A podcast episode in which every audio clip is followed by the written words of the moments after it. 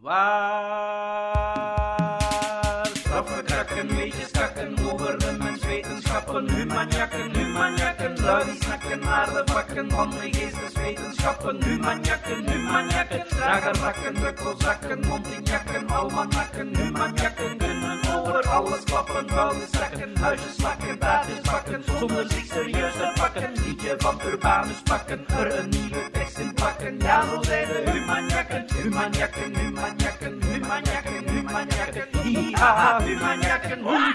We schrijven zondag 8 januari. Vandaag zijn onze humanjakken, professor taalkunde en bedrijfscommunicatie Bert Oben. Een ontzettend goede dag. Professor premoderne geschiedenis Maika de Keizer. Goedemiddag. Professor literatuurwetenschap Pieter Vermeulen. Hallo en gelukkig nieuwjaar. En twee taal- en geschiedenisnerds, namelijk Bart Verhoeven Beste wensen. en ikzelf, Stijn van der Stokt. Met al deze fijne wijzen uit het oosten gaan we het hebben over wat humaanwetenschappelijk nieuws uit de maand december. Allereerst eh, mijn beste wensen voor het nieuwe jaar. Eh, mijn goede voornemen is niet werkloos worden. Want eh, als, we de, als we de kranten mogen geloven, dan is 2023 het laatste jaar waarin dat humane wetenschappers eh, nog werk kunnen vinden. Eh, ik heb het natuurlijk over eh, ChatGPT, hè. artificiële intelligentie gaat al ons jobs Iedereen overnemen. gaat heel veel tijd hebben om naar onze podcast te luisteren.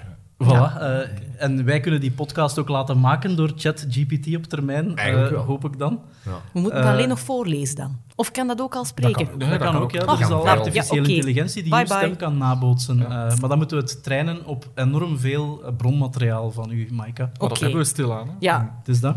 Misschien is dit al een AI-opname. Wie zal het zeggen? Ja, ze zeggen dat eh, ChatGPT dat dat de toekomst wordt van het professionele schrijven. heb ik zelfs eh, gelezen als krantenkop ook in de, in de gazet. Ik wil daar een kleine nuance wel bij, bij plaatsen. Eh, ik heb er namelijk heel veel mee gespeeld ook in december, want ik was toen ook een klein beetje werkloos. En ja, ik heb die heel veel gevraagd om te schrijven. En je merkt toch, van het moment dat iets creatiever wordt of zo, zeker in het Nederlands, laat hij toch wel wat steken vallen. Dus ik zou graag ter bewijs van het feit dat wij als humane wetenschappers en schrijvers nog niet overbodig zijn helemaal. Uw intro door Eh, eh, AI of zo? Nee, nee, nee. Ik heb een eh, limerick laten schrijven door ChatGPT over de humanjakken. Eh, en die gaat als volgt. Ehm, er was een groep humanjakken. Die hielden van taal en geschiedenis. Ze waren allemaal nerds. Maar dat maakte hen niet ter zijn birds. Ze hielden van feiten en mysteries. Ik wil heel graag weten wat Terzen Bird is. Ik snap het ook niet. En het rijmt En het ook niet. rijmschema. Het, het, rijmschema, rijmschema klopt is, zelfs eh, niet. Eh, ja. Ik heb hem zelfs gevraagd ook, op een redelijk passief-agressieve manier. Hoe zit dat met dat Hoe zit dat met dat wel, wel, rijmschema, wel. ChatGPT? En dan heeft hij een aantal andere pogingen nog gedaan, eh, maar nooit is er echt eh, fatsoenlijke rijm uitgekomen. En dus jouw claim wel- is dat je dat zelf beter zou kunnen. Ja, Altijd, voilà. ja. ja, ik, denk, Ja, ik ben er ook niet zo bang van. Omdat ik, eh, ik heb er in december ook wat mee gespeeld. Een paar vragen gesteld over dingen die mij boeien, zoals muziek en sport. En dat ging redelijk goed. Maar dan heb ik hem gevraagd, ik weet ook niet waarom, ehm, waarom Geert Noels bestaat. En ehm, dat heeft hij mij... Ja, ik weet ook niet dat het komt, maar dat is, dat is, dat is iets, eh, iets anders. Maar dan begon hij over... I'm not shitting you, eh, over het eh, Nederlandse en Belgische feest van Sinterklaas te praten. Ehm, dus hij had duidelijk eens genoeg data gevreten om te weten dat Noel, dat dat iets met kerstmis en Ah, Sinterklaas en. Ja. Ah, hij had Noël. duidelijk Noël. genoeg data om te weten dat Geert een diep Vlaamse naam was. En dan is hij maar losgegaan op een manier waarop wij als mensen met nog enige geloofwaardigheid niet los kunnen gaan. Eh, het was werkelijk volledig naast de kwestie en ik weet nog altijd niet waarom dat Geert Noels bestaat. Dus ehm, het heeft nog zijn beperking. Oké, ja. Ik heb het gebruikt om eh, quizvragen proberen te laten Mhm. stellen of, of op te stellen, want ik ben bezig met een quiz te maken. En ook daar, ja, dat, dat lukte helemaal niet eigenlijk. Eh, die kan wel ja, goede feitjes geven, maar een quizvraag bedenken, Mhm. nee, dat lukte Ja. ook helemaal niet. Ja, ik heb het proberen toe te passen op mijn eigen onderzoek. Dus ik heb gewoon eens gevraagd, maar dat wel in het Engels. eh, of dat hij toch aan mij wilde uitleggen hoe dat de drainagepraktijken in de 18e eeuw zaten. En ik denk dat hij toch mijn papers vooral heeft geplagieerd. En dan de beschrijving van de Kempen die ik altijd geef, om dat dan toch ook wel te kopiëren. Dat, dat was eigenlijk ja, angstaanjagend. Ja. Je zet jezelf Gelijk, ja, ik ben eigenlijk mezelf tegengekomen. Maar inderdaad, vanaf dat je dan een aantal dingen die echt teruggrijpen naar historische bronnen, of je moet echt wel nieuwe historische feiten geven, ja, dan, dan loopt hij wel vast. Ik heb het eh, gevraagd om enkele satirische nieuwsartikels te schrijven en die zijn allemaal publiceer- gepubliceerd geraakt op het Nieuwsblad en Highland. Met succes. Maar Ja. gel- Als eindejaarsinterview Ja, dan. Ja. Ja, de chatbot mooi. heeft daar ook een redactiejob gekregen. Die oorlog in Oekraïne is eigenlijk helemaal niet gebeurd. Bart, eh, Hmm. jij had één groot goed voornemen Ja. voor 2023 en dat is meer stress hebben. Ja, ja, het begint nu al met mijn eerste onderwerp van het jaar. Ja, stress is goed. Stress is goed. Natuurlijk, wij weten al jaren dat overmatige stress gigantisch slecht is, dat je daar letterlijk aan kapot gaat.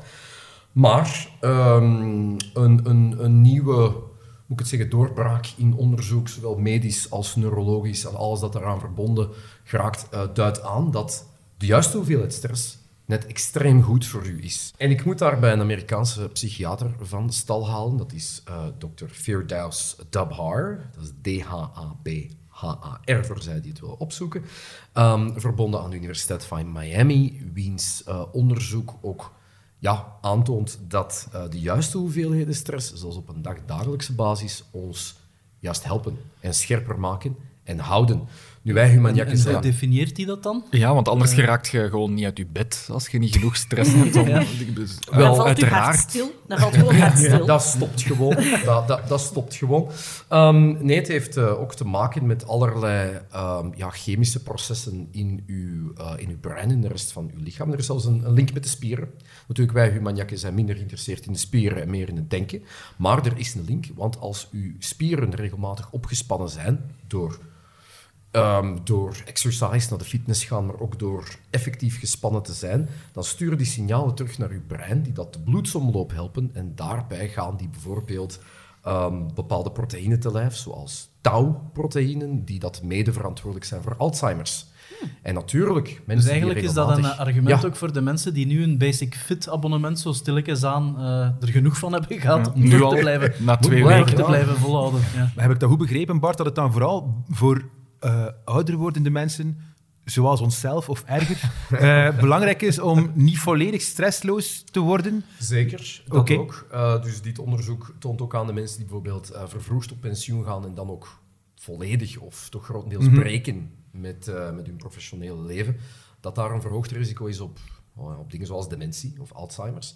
Maar zelfs mensen die dat tijdens hun volwassen jaren, eh, waar dat, de fases waar dat wij nu eh, grotendeels in zitten, die dat regelmatig onder vorm van spanning staan, zonder over zware grenzen te gaan, dat daar het risico op mentale achteruitgang effectief lager ligt. Dus we moeten stress blijven hebben ons hele leven lang. Een Een klein soort beetje. van, ja, met genoeg rustpunten, maar dat zorgt nu eenmaal, heeft zeer grote voordelen ja, binnen de chemische compositie van uw brein, die zich vertaalt natuurlijk in een verhoogde denkkracht en vooral dus ja, een hoger eh, ja, denkvermogen. Maar ik vind het interessant omdat met u denken aan eh, een boek dat onze KU Leuven-collega Mathieu van den Bulke eh, net gepubliceerd heeft over mentaal welzijn bij, bij heel oude mensen. En een van Ja. de punten die hij in zijn interviews benadrukt is dat eh, op pensioen gaan niet hoeft te betekenen dat, dat je meteen eindeloze vakantie hebt. Eh, niet alleen is dat dan tegen dementie een goede strategie, maar ook tegen depressie bijvoorbeeld. Zij benadrukt hij is het gewoon belangrijk om eh, een minimum aan stress Ja, Aan te houden. blijven, hè, want Ja. dat is er ook een vorm van. Oké, we gaan dit jaar ons best doen om... eh, Ik heb mij Niet volledig om onderprikkeld te zijn. stress te blijven hebben. ja. Voilà, zo. Goed, maar mooi, mooi voornemen voor dit nieuwe jaar. Eh, nu dat we het toch over stress hadden, er is ook nieuws over de Hunnen. De vrede barbaren die menig Romeinse keizer slapeloze nachten en koud zweet bezorgden. Er was namelijk een onderzoek, een dendrologisch onderzoek. Dat wil zeggen dat de onderzoekers de boomringen van bomen die ja, geveld zijn eh, eh, onderzoeken. En dan kijken eh, aan de boomringen kunnen ze klimatologische omstandigheden zien. Eh, van eh, bepaalde jaren. De jaren 420 tot 450, eh, daarin werd het Donaubekken blijkbaar enorm geteisterd door droogtes en klimaatverandering. En zij verbinden dat dus met de invallen van de Hunnen in het Romeinse Rijk. Maika? Ja, dat is weer een typische. Hè? Dus dat is nu elke keer opnieuw als er een, een, een soort van ja, een maatschappij gaat ten onder. Of er is een grote migratiegolf. Of er is wel degelijk iets dat we moeilijk kunnen verklaren. Dan is tegenwoordig de absolute oplossing voor alles om dat met klimaatverandering te kunnen verklaren. En dit is weer een mooike. Hè? Dus nu gaan zij zo hard vooruitgedreven worden door Is het nu droogte? Is het nu te warm of te koud? Dat is altijd inderdaad nu klimaat. Ik word daar zenuwachtig van, van dat soort verklaringen. Een Waarom? gezond niveau van stress, Een zou je ook kunnen zeggen. Ja. niveau van stress. Ehm, dat, dat, dat is nooit goed om dat te kunnen verklaren, omdat dat zo eendimensioneel is. Dat is, oké, het wordt te droog, het wordt te koud en mensen gaan dan maar ineens de hele wereld veroveren. Of kunnen ineens een machtig rijk op de knieën dwingen. Dat is gewoon niet Maar dat stond er dagen voelt u gewoon zo. Maar inderdaad, dat wat, er was de, effectief wat was de in- gedachtegang hier? In, in, in artikel stond er dan effectief van, hè, de hunnen dat waren eigenlijk echt vreedzame herders. Eh, En opeens begint het tien en, en jaar te opeens- regenen. Ja, nee, opeens eh, is het tien jaar droog, hun paarden hebben geen eten niet meer. En dan ja, om, om, om hun levensstijl te kunnen volhouden, moeten ze wel gaan plunderen eh, bij de Romeinen. Dat vond ik ook een beetje gemakkelijk of zo. eh. Ja, en tot daar aan toe moeten ze wel gaan plunderen, maar dat dan ineens het Romeinse Rijk op zijn grondvesten gaat daveren, omdat die plots beslissen dat hun paard meer gras moet hebben, dat is voor mij altijd tenenkrullend, dat soort verklaring. Uiteraard is het heel belangrijk om klimaatverandering een plek te geven in onze geschiedschrijving. Dat we echt rekening houden met op welke manier klimaat en natuurlijke veranderingen een, een invloed kunnen uitoefenen. En wat dat betreft, die boomringen die liegen ook niet. Hè? Nee, dus die er niet. zijn effectief Maar- klimatologische veranderingen geweest op dat moment. maar, maar ehm, is die techniek zo goed dat wij nu goed kunnen eh, inschatten hoe dat er eeuwen geleden de effecten waren van die droge periode of zo? Ja, we, kunnen, wel. kunnen echt heel goed weten Nee, welk effect die droogte dan had. Nee, je, je kan die droogte, je kan die temperatuurveranderingen, die kunnen we heel goed weergeven. Maar daar zitten mensen zoals ik dan, historici, die meer het maatschappelijke bestuderen. Het is niet, elke droogte heeft niet dezelfde invloed. De ene droogte kan echt super problematisch zijn, omdat dat een maatschappij raakt die volledig afhankelijk is van een gewas dat op dat moment kapot gaat. Een andere maatschappij heeft dat helemaal niet. En daar zit het natuurlijk. Hè. Er Want als die hunnen allemaal rond de Donau leven en die eh, laten hun paarden gewoon in de Donau drinken, dan is er geen probleem, ook al is het droog of zo. Opgelost. Opgelost. Het ging vooral over eh, het feit dat hun paarden geen goede graasgronden niet meer eh, hadden. eh, had ik in het artikel gelezen. Ja, en dat zal, ik, ik geloof ten zeerste dat die daardoor meer mobiel moeten zijn en dus in conflict komen met naburige stammen, naburige rijken. Dat wil ik ten zeerste geloven. Maar natuurlijk, het is gewoon, ja, zoals dat we het hier allemaal wel voelen, te simpel om dan zo ineens... Oké, nu zijn jullie ineens door jullie agressieve neiging machtig genoeg. Daar zijn veel meer verklaringen voor nodig om dan te kunnen... Ja, echt stap voor stap te kunnen verklaren waarom dat ineens die zo een, een, een, een nagel aan de doodskist van het Romeinse Rijk wordt. Dus een verdienstelijke poging tot uitleg, maar ja, terug Ja. naar de weg. laat die natuurwetenschappers toch maar van de geschiedenis op dat vlak beweegd blijven. Wel, ik ben blij, Maika, dat jij nog altijd eh, in 2023 je hebt voorgenomen om even kritisch te zijn voor de Ja, ik blijf nog altijd exacte wetenschappen. cynisch over heel veel wetenschapsnieuws.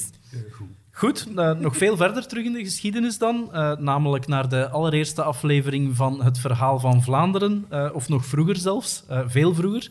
De tijd dat we in de bomen leefden, eh, onze voorouders dan toch. Eh, want er is taalkundig nieuws vanuit dat tijdvak Bert. Ja, dat klopt. Ehm, het, het gaat echt over miljoenen jaren eh, terug in de tijd. Ehm, en het is een onderzoek ehm, door eh, Adriano Lameira. En hij stelt eigenlijk dat, er, dat taal ontstaan is ehm, door boomapen eerder dan door grondapen. Oké, en wat maakt die boomapen zo speciaal? Boomapen eh, leven in bomen. Ja. En eh, als gevolg daarvan hebben ze eigenlijk ehm, minder ledematen vrij dan grondapen. Dus waar grondapen heel goed in zijn, zijn ja, letterlijk dingen met hun handen doen. Dus Italianen komen eerder van grond. Dat is wat je zegt. Dat is eigenlijk een mix van de twee. Eh, ja, waarschijnlijk, waarschijnlijk zal er een aparte lijn zijn. Ja. eh, die, ja, Oké. Dus in die logica, we zijn eigenlijk armen gewoon overbodig. Eh, nee, nee, nee, nee, nee, nee. nee. Dus de, de, de, grondapen zijn, hebben een hele fijne motoriek. Die kunnen rustig op hun gat zitten. Eh, die zitten heel stabiel. En dus kunnen die met hun handen eh, twijgjes heel fijn gaan buigen en plooien en daar van alles mee doen. Eh, die kunnen stenen gebruiken als, als een object om iets mee kapot te maken of zo. En dat is voor boomapen helemaal anders, want die hangen in een boom. Die zitten veel minder stabiel. Dus die kunnen minder fijne bewegingen met hun handen uitvoeren, omdat die voortdurend bezig zijn met ja, niet, uit vallen. de boom te vallen. En dan kan je dus geen gebarentaal ontwikkelen, want daarvoor heb je dus Eh, nee, geen handen. Het heeft, het heeft niks met gebaren te maken, het heeft alles met eh, geluid te maken. Ehm, en hoe, eh, hoe komen ze daar nu bij? Wel, de, de gedachtegang gaat verder. Hè. Die apen hangen dus in de boom. Eh, zijn veel minder handig, letterlijk, want die handen hebben ze nodig om te klimmen. Maar hun mond, die gebruiken ze eigenlijk als een soort van vijfde hand.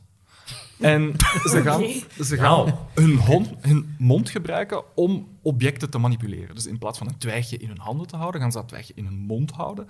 En daarmee bijvoorbeeld, weet ik veel, porren er in ergens een of andere mierenkoloniestam in een boom of zo. Ehm, en ze ontwikkelen, stam een en veel, ze ontwikkelen een veel fijnere motoriek in hun mond. En die staat hen toe om complexere klanken te genereren. Het geeft wel echt een, een veel belachelijker beeld van onze historiek, eh, van onze Ja. voorouders. Want ik stel mij nu Ja. echt zo'n eh, lippende aap in een boom voor. Ja, ja dus eh, bij, ja, bij gebrek aan nog een overschietende ledemaat om iets heel nauwkeurig je te eigenlijk gebruiken ze is dat eigenlijk... hand. Die hebben een, een, een, een, je hebt een doodsangst van te vallen. Dus eigenlijk dat een, een soort dagelijkse stress die die ondervonden eigenlijk toch voor een soort verhoogde Ja, intellectuele vanaf activiteit toen is dat al begonnen, inderdaad. Ja. En ben je nu ook Maar- aan het zeggen, of is het dan nu ook aan het zeggen dat taalontwikkeling vooral te maken heeft met een soort flexibele en sterke spieren en met Ja. niet veel meer? Met, met, met fijne motoriek in de mond. En, en het, het wordt nog specifieker, eh, het Oké. wordt specifieker dan dat. Een van de observaties trouwens die er hierin worden aangehaald, van die eh, verhoogde fijne motoriek met de mond, is eh, zo een orang-oetang bijvoorbeeld, is eh, een boomaap. Eerder dan gorilla's ehm, of bonobo's die vooral op de grond leven. Wel, als je aan ehm, een orang-oetang een pen of zo geeft, dan gaat hij dat met zijn mond, met zijn lippen teruggeven. Dus dat is een, een bewijs dat hij zijn mond veel meer als een instrument ziet. Ik weet niet of je het, het beeld hebt van een, een aap die met de lippen een banaan pelt. Dat zullen ook eerder orang-oetangs zijn dan eh, grondapen. Dus oh, dat is al een vaststelling. Orang-oetangs, boomapen in het algemeen, gebruiken meer hun mond om hele fijn motorische dingen te doen. Ehm, dan ehm, meer taalkundig, fonetisch onderzoek, dus onderzoek naar de klanken die die dieren produceren, dat toont...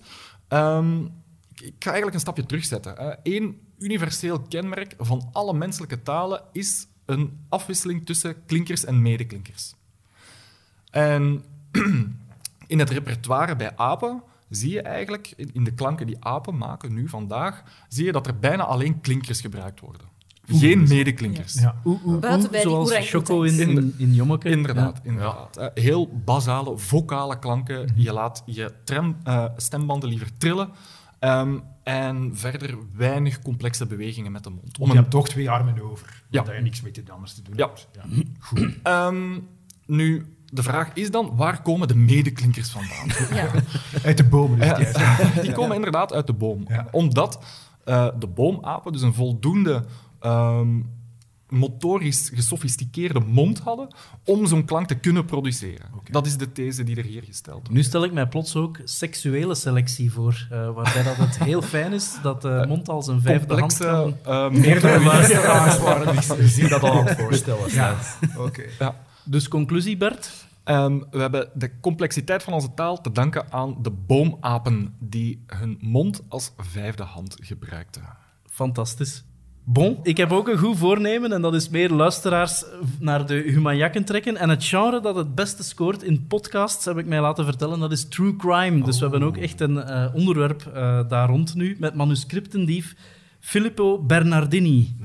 Het perfecte onderwerp. Pieter, wat weet jij over Filippo Bernardini? Filippo Bernardini is een beklijvend verhaal dat eigenlijk de literaire wereld internationaal al een paar jaar in de ban houdt. Het gaat namelijk om een mysterieuze figuur, verborgen achter een cluster aan e-mailadressen die er verdacht geloofwaardig uitzien, die erin geslaagd is om aan veel, zelfs heel prominente auteurs, manuscripten te ontfutselen. Klinkt als Evelien, Het is maar de Evelien Ja. van de Maar ja, het, is daar- het eerste beeld dat bij mij ook om- opkomt is ook Peter van de Veire, Jean Dont, die op een piano nadenken over het leven. En dat is het ook een beetje, maar het is denk ik ook een interessante insteek om iets meer over literatuur vandaag te gaan begrijpen. Dus wie is Filippo Bernardini? Hij is vorig jaar ontmaskerd.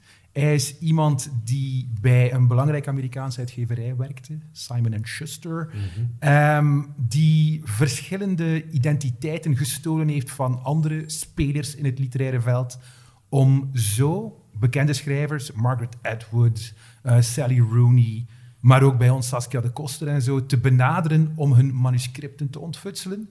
Is daar in veel gevallen ook in geslaagd, maar heeft die manuscripten dan niet gebruikt om die auteurs te gaan blackmailen of om die manuscripten te gaan lekken. Dus het was een soort perfecte misdaad, al was het maar omdat het niet echt geweldig misdadig was.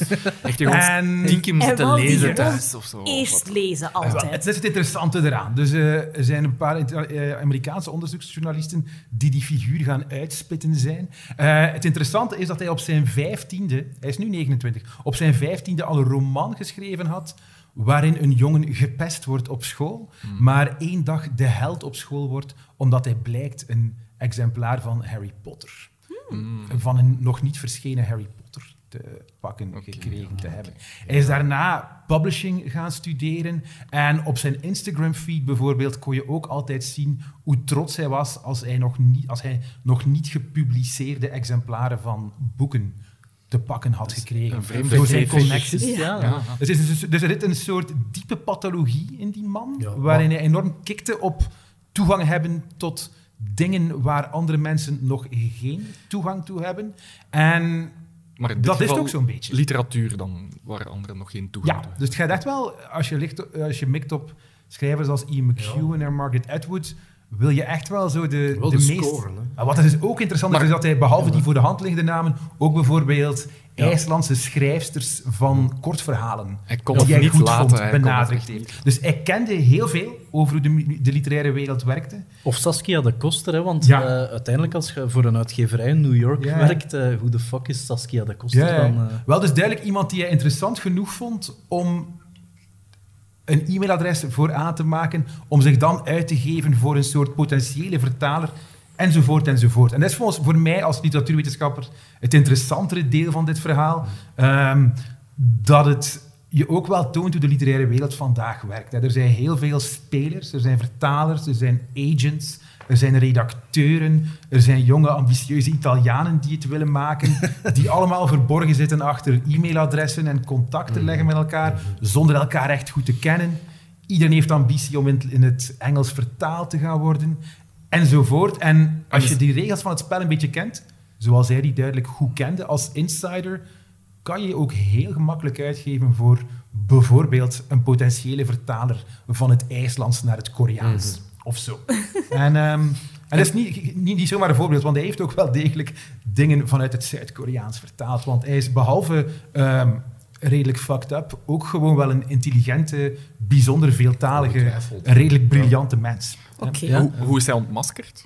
Ehm, hij is ontmaskerd omdat er heel veel auteurs slim genoeg waren om toch te zien dat er dingen niet klopten. Zijn voornaamste strategie was om nieuwe e-mailadressen aan te maken die op één klein lettertje na officiële e-mailadressen waren. Mhm. En Ja, de- ja. Het voorbeeld dat alle artikelen geven is, hij gaf zich uit als een editor van uitgeverij Random House, maar in plaats van de M had hij dan de letters RN, die er van ver uitzien Ja, als een M ja. ja. Dus ehm, Simon en Schuster. zo dat Ja, soort ja. onnozelheid. Dus het was subtiel, maar als je vijf minuten oplet, wat dat je natuurlijk niet doet als je een ambitieuze IJslandse schrijfster van kort verhaal Ja, bent, Je ego gestreeld is. Ehm, Tuurlijk. trap je daar wel in. Ehm, en die onderzoekers zijn dan via via ehm, langzaam bij hem terechtgekomen, vooral door de duidelijke veeltaligheid van, eh, van de man of vrouw in kwestie. Ja, Wat wie een- spreekt Zuid-Koreaans Ja, en kan er-. En... Zo, wilde jij nu zeggen dat mijn biografie straks niet uitgegeven wordt door Bargerhof en... Misschien wel, maar ehm, wat we wel zeker kunnen zeggen is denk ik dat dit verhaal zo literair is so plausible. hè, en zo mooi is dat er, dat er weinig twijfel is dat daar zeker een boek of een Netflix-serie of iets anders Ja, van zijn gaat eigen komen. boek, wie weet, hè, want Ja. hij had ook die ambitie. Eh, Ja. Interessante hij heeft zich laten klissen misschien. hij is, eh, ja, Ja, maar wat er nog interessanter is, is hij heeft niet alleen heeft hij die jeugdroman geschreven over iemand die een held voor één dag wordt door het te pakken krijgen van een manuscript. Ja. Hij heeft bijvoorbeeld ook zijn thesis geschreven over Pinocchio. Pinocchio famously een personage dat niet kan stoppen met liegen. Dus ehm, er zijn zo'n paar dingen die bijna te literair zijn Ja. om, om waar te zijn. Maar zoals deze week in de rechtbank bleek, waar hij schuldig gepleit, gepleit heeft. En ehm, misschien zelfs de gevangenis zal indraaien. Ehm, is alles wat ik verteld heb waar?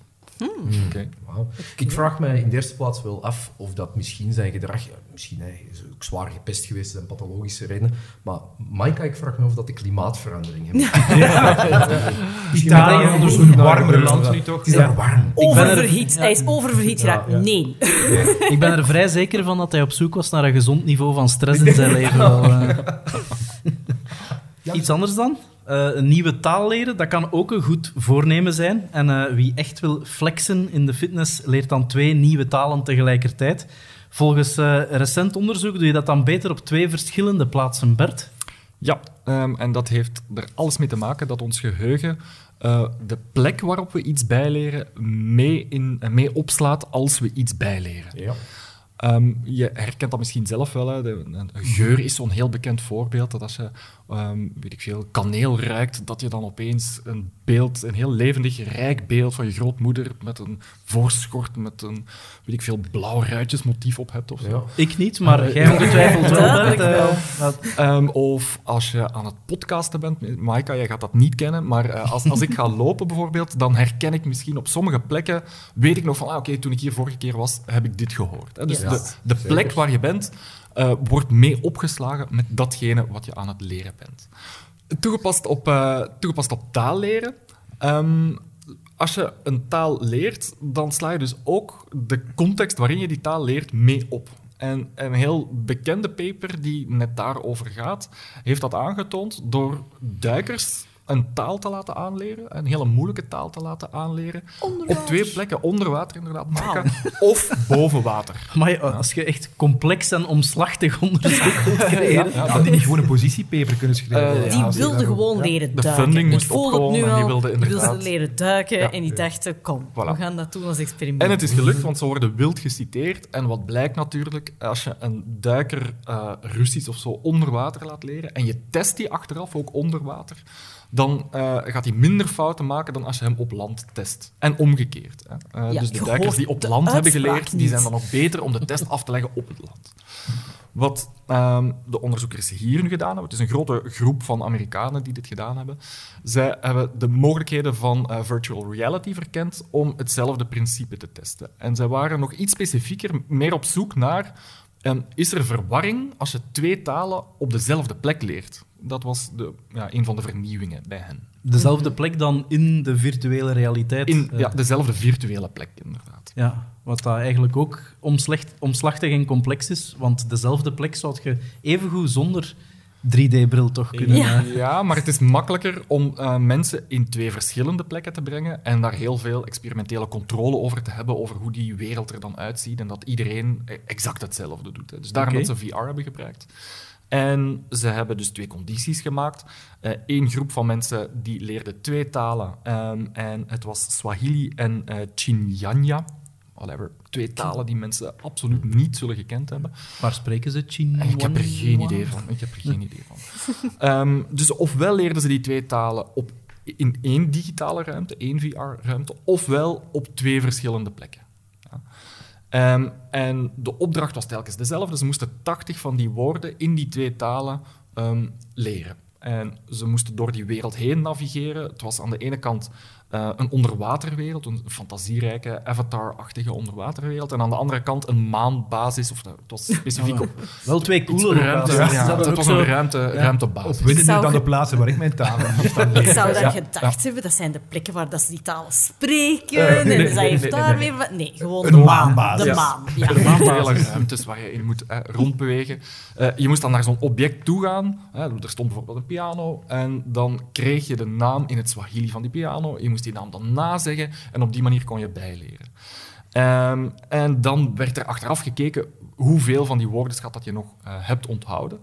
Ehm, en een van de eh, opvallendste observaties in de resultaten is dat er eh, veel meer verwarring is als je die twee talen maar op één plek hebt gestudeerd. Als je ze op twee plekken hebt gestudeerd, dan ga je 38% minder verwarringsfouten maken.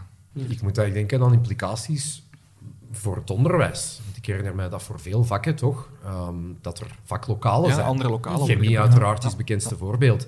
Maar als je dan zowel Frans als Engels als Nederlands als Duits misschien, als Latijn, in hetzelfde lokaal leert, fysiek, dan heeft dat misschien ook daar implicaties voor. Ja, ja.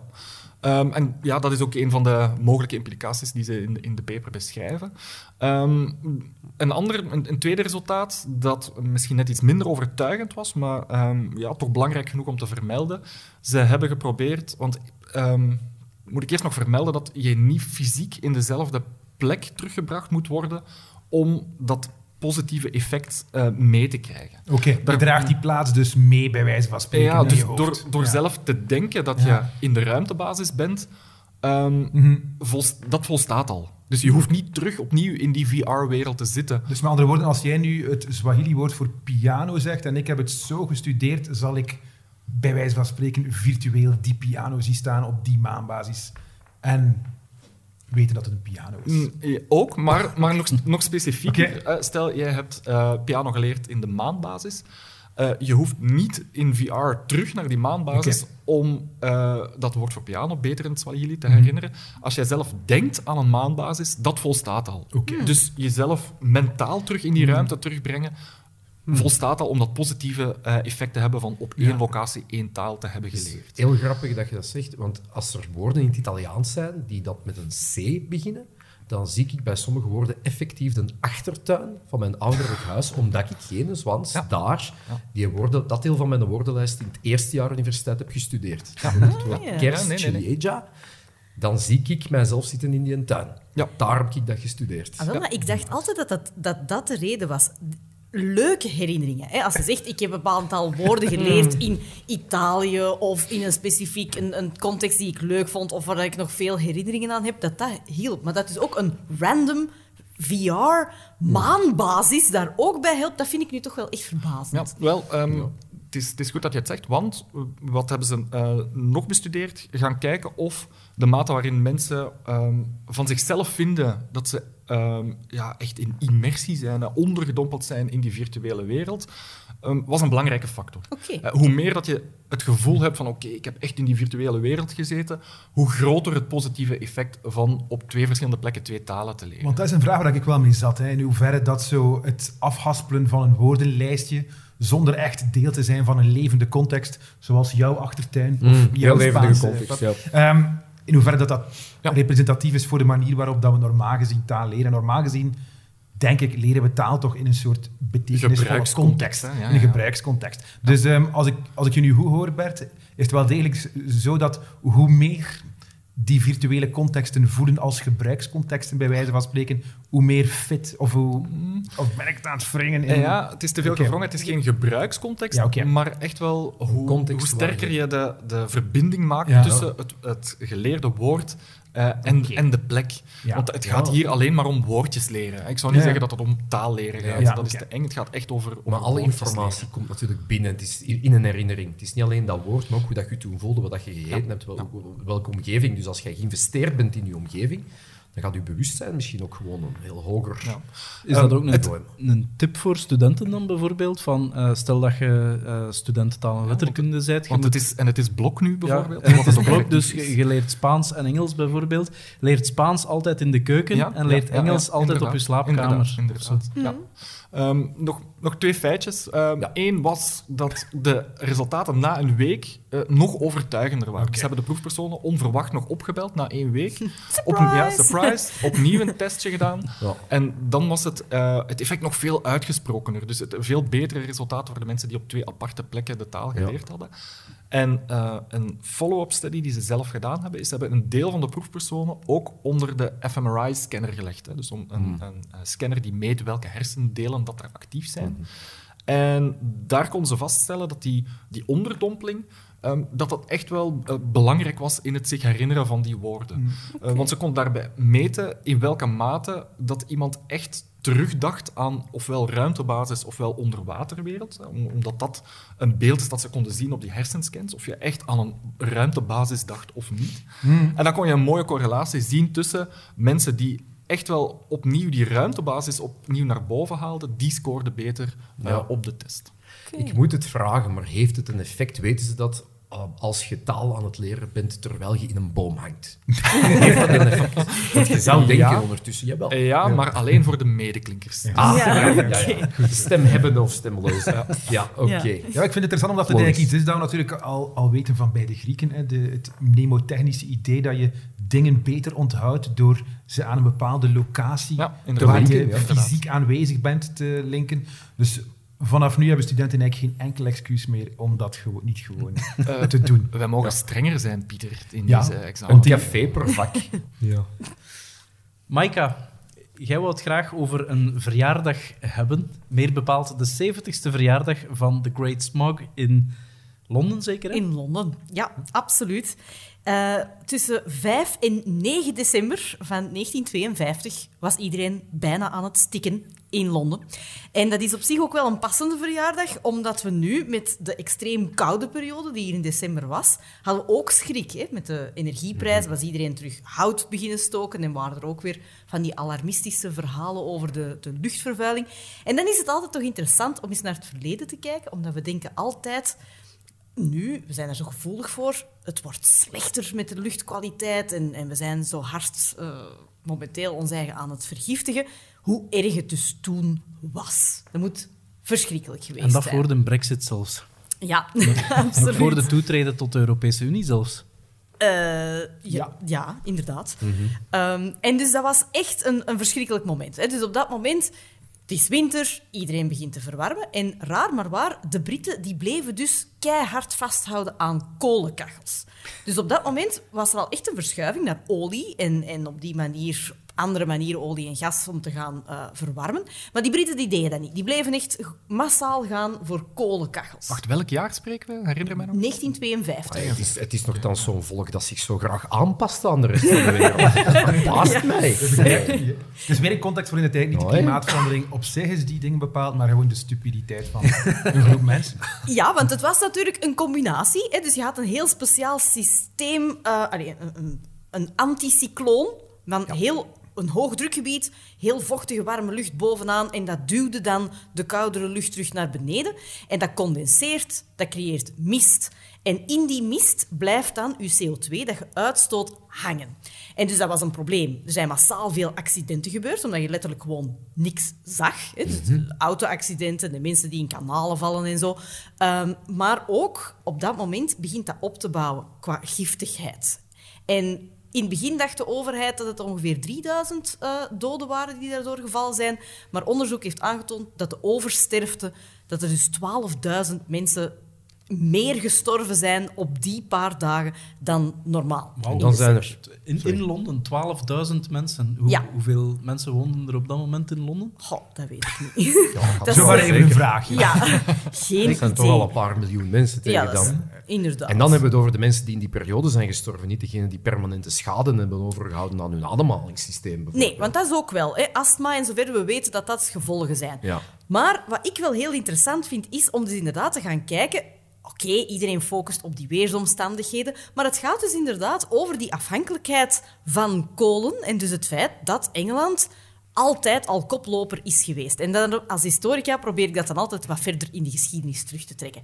Ehm, en dus vanaf de 18e eeuw zit Londen al met een acuut probleem van dat soort vervuiling. Eh, Engeland is als een van de eerste overgeschakeld naar fossiele brandstoffen, naar kolen. En die zijn dus massaal dat beginnen gebruiken voor hun ontluikende industrie. En die kampen daar dus al ondertussen eeuwen mee met dat soort vervuiling. Ja, d- d- dat werd ook de Black Country genoemd daar. Hè? Zo Manchester en Birmingham, die, die streken, omdat al de gebouwen, letterlijk de gevels, werden zwart van al de roet. eh. Ja, roet. En niet alleen roet, want het gaat natuurlijk ook over echt zwavelzuur en echt fundamenteel chemische vervuiling, waarbij dus mensen enorme gezondheidsproblemen kregen. En dat zie je dus dat is enorm een verschil. Hè. Vandaag ongeveer, als we gaan kijken naar zwavelzuur, qua milligram per kubieke meter, dan zitten we in Engeland in 2011 rond ongeveer 5 milligram. Gok eens een beetje wat dat zou zijn in 17, eh, 1775. Dus nu was het 5 milligram, hè? Ongeveer. 35. Het is veel erger. Oei, oei. Ja. 400. Ja, ah, wel, ongeveer 300 milligram was het dus in de 18e eeuw, als het gaat over vervuiling. En als je ziet bijvoorbeeld Beijing, wij vinden nu Beijing en dat soort steden zoals Delhi, daar is erg, ah, wel, dat is vandaag dan ongeveer 50. Hè. Dus het was zes keer zo erg als ja, als momenteel vandaag. Ja.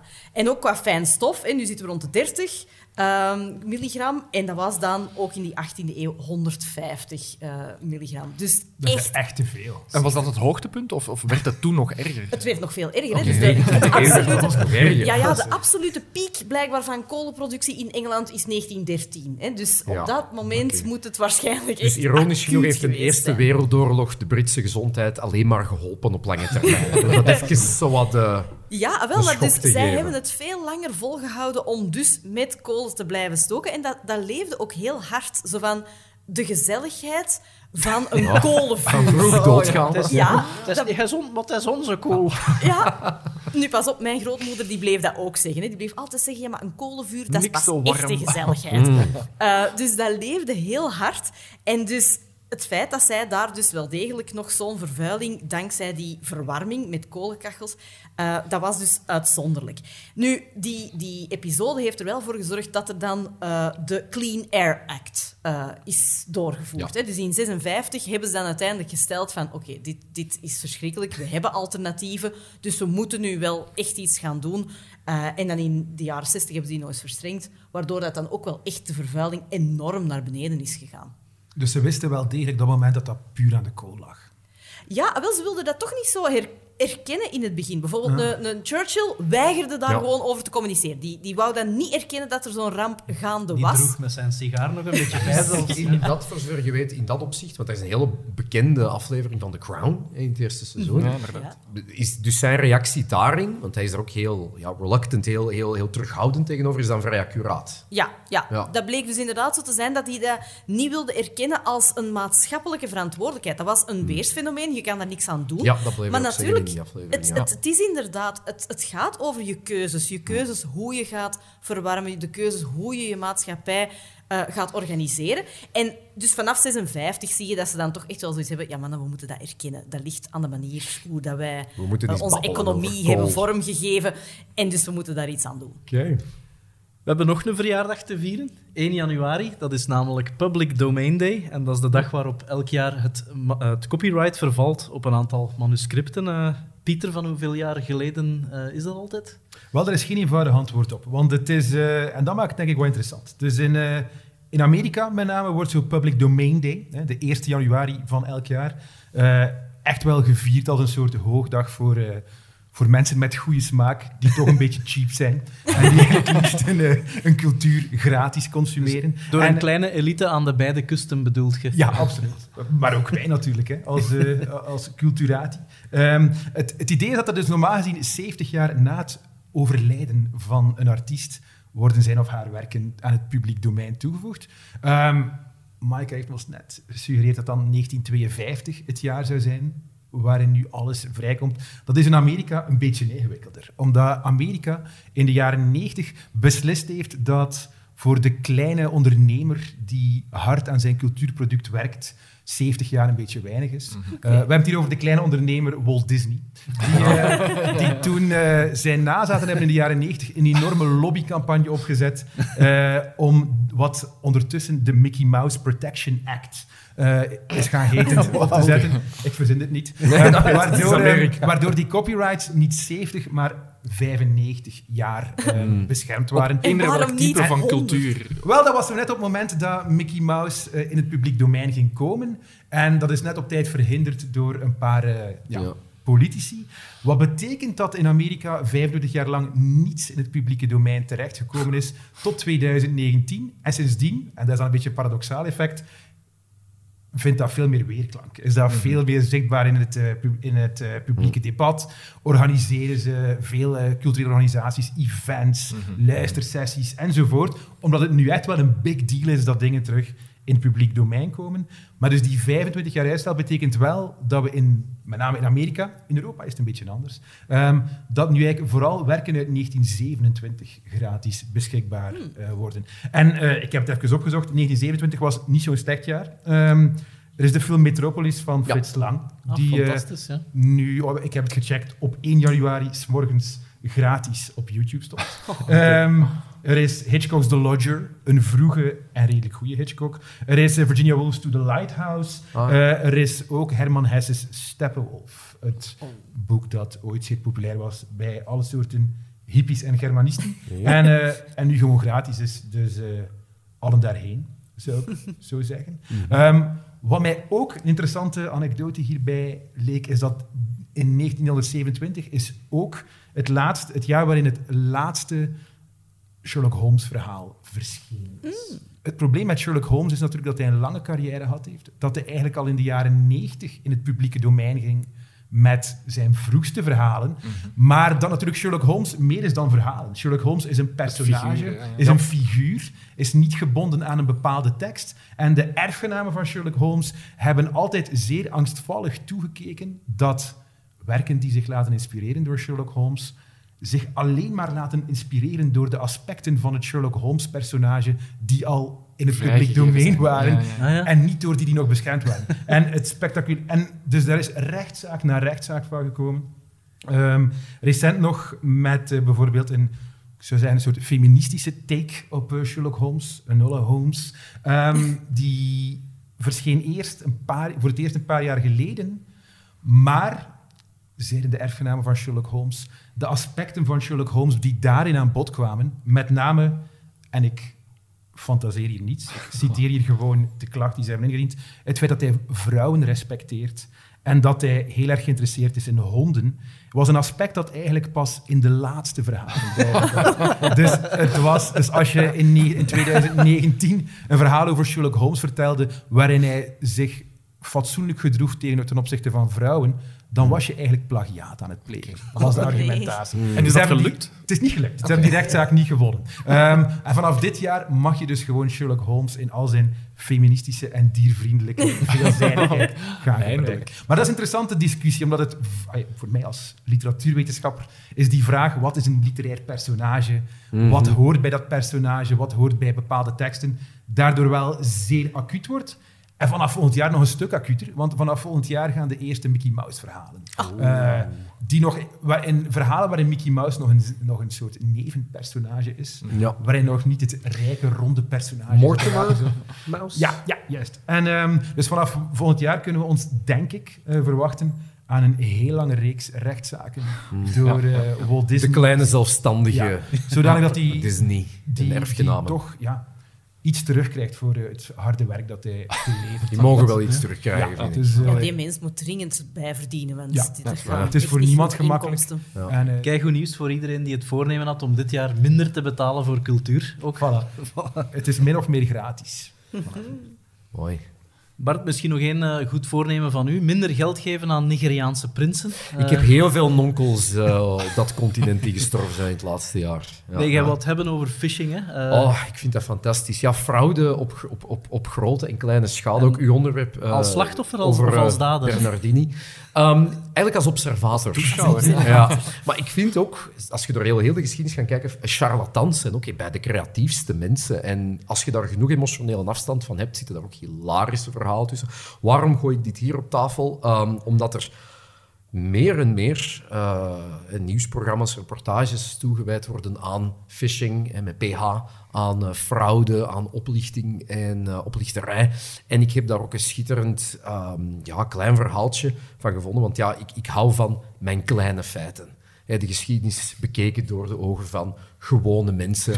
Geen Napoleons, geen, geen Mao's, maar echt de kleine ter aarde. En ik heb eh, een voorbeeld gevonden. Ik ben gaan zoeken naar de oudste ja, gedocumenteerde voorbeelden van fraude. Uiteraard is daar de, de Praetoriaanse Guard, die dat, het, het, het, het keizerrijk verkopen na de dood van Commodus hè, voor miljarden aan onze euro's vandaag. Maar Uiteraard, uiteraard, uiteraard. uiteraard is daar de, de, de fraude van, eh, van, van die tijd. Maar de, de oudste dat ik heb gevonden was een Griek. of toch een, eh, een burger van een van de Griekse stadstaat, Hegestratos, was een koopman, eh, die dus ja, door de Egeïsche Zee voer om daar zijn, eh, zijn graan vooral te verkopen.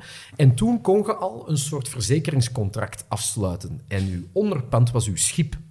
En men noemt dat bodemerij, of bottomry. Want dat verwijst naar de bodem van uw schip.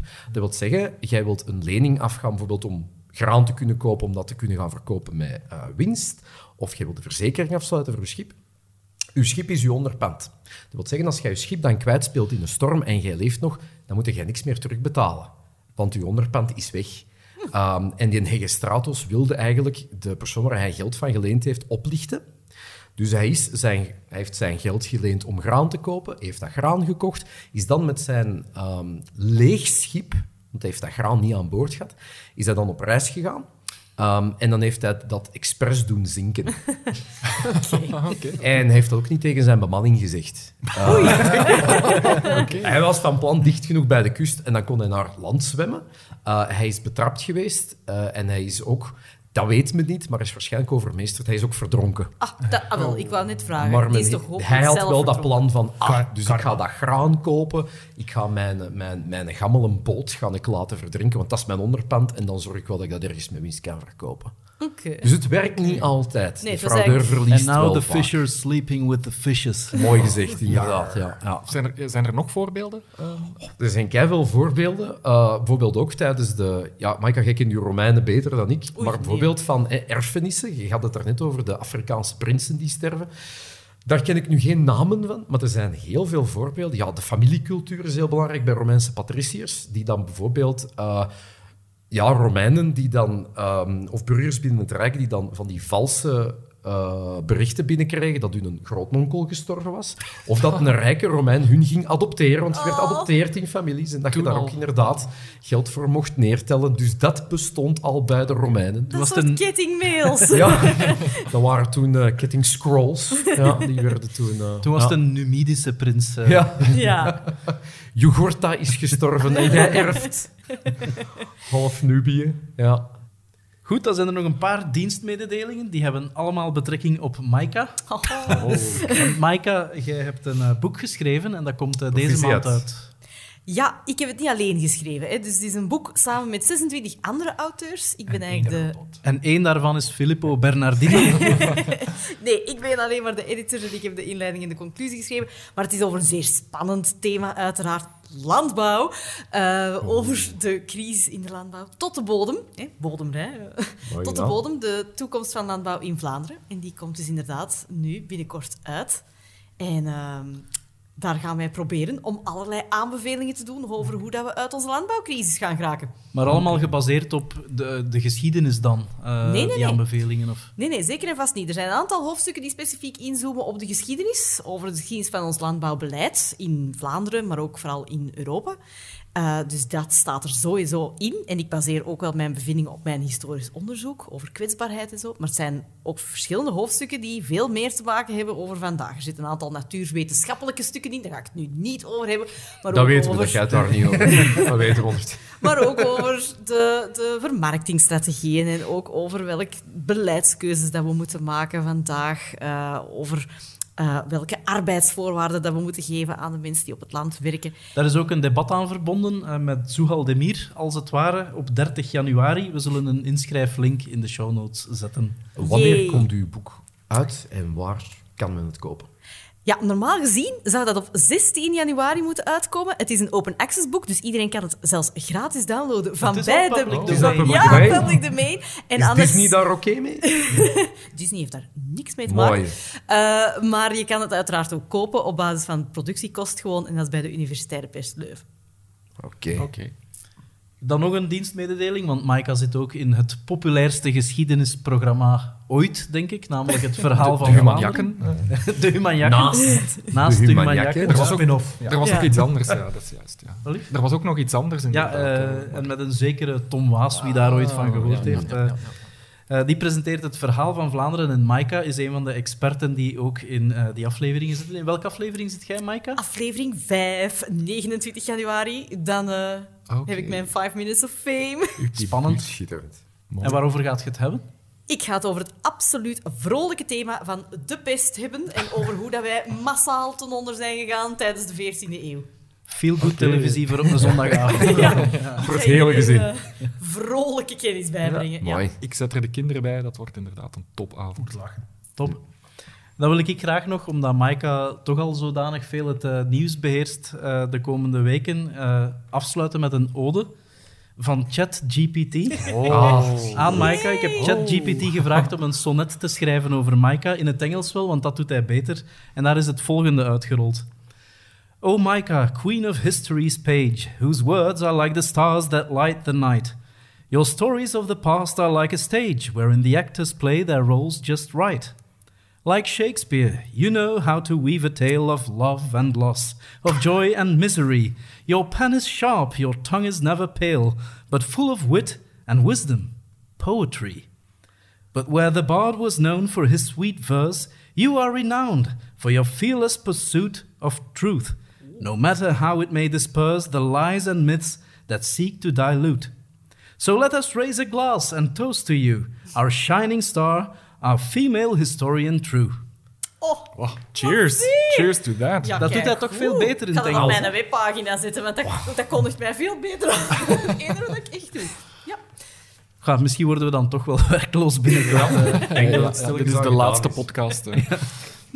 Ook heel fijn, een van mijn nerdvrienden, Tom Cox, eh, heeft gevraagd eh, aan ChatGPT om zelf aptoniemen te verzinnen voor bepaalde, voor bepaalde beroepsgroepen. En het was Ja. geniaal wat hij eruit rolde. Bijvoorbeeld Mr. Cardiologist voor cardiologen.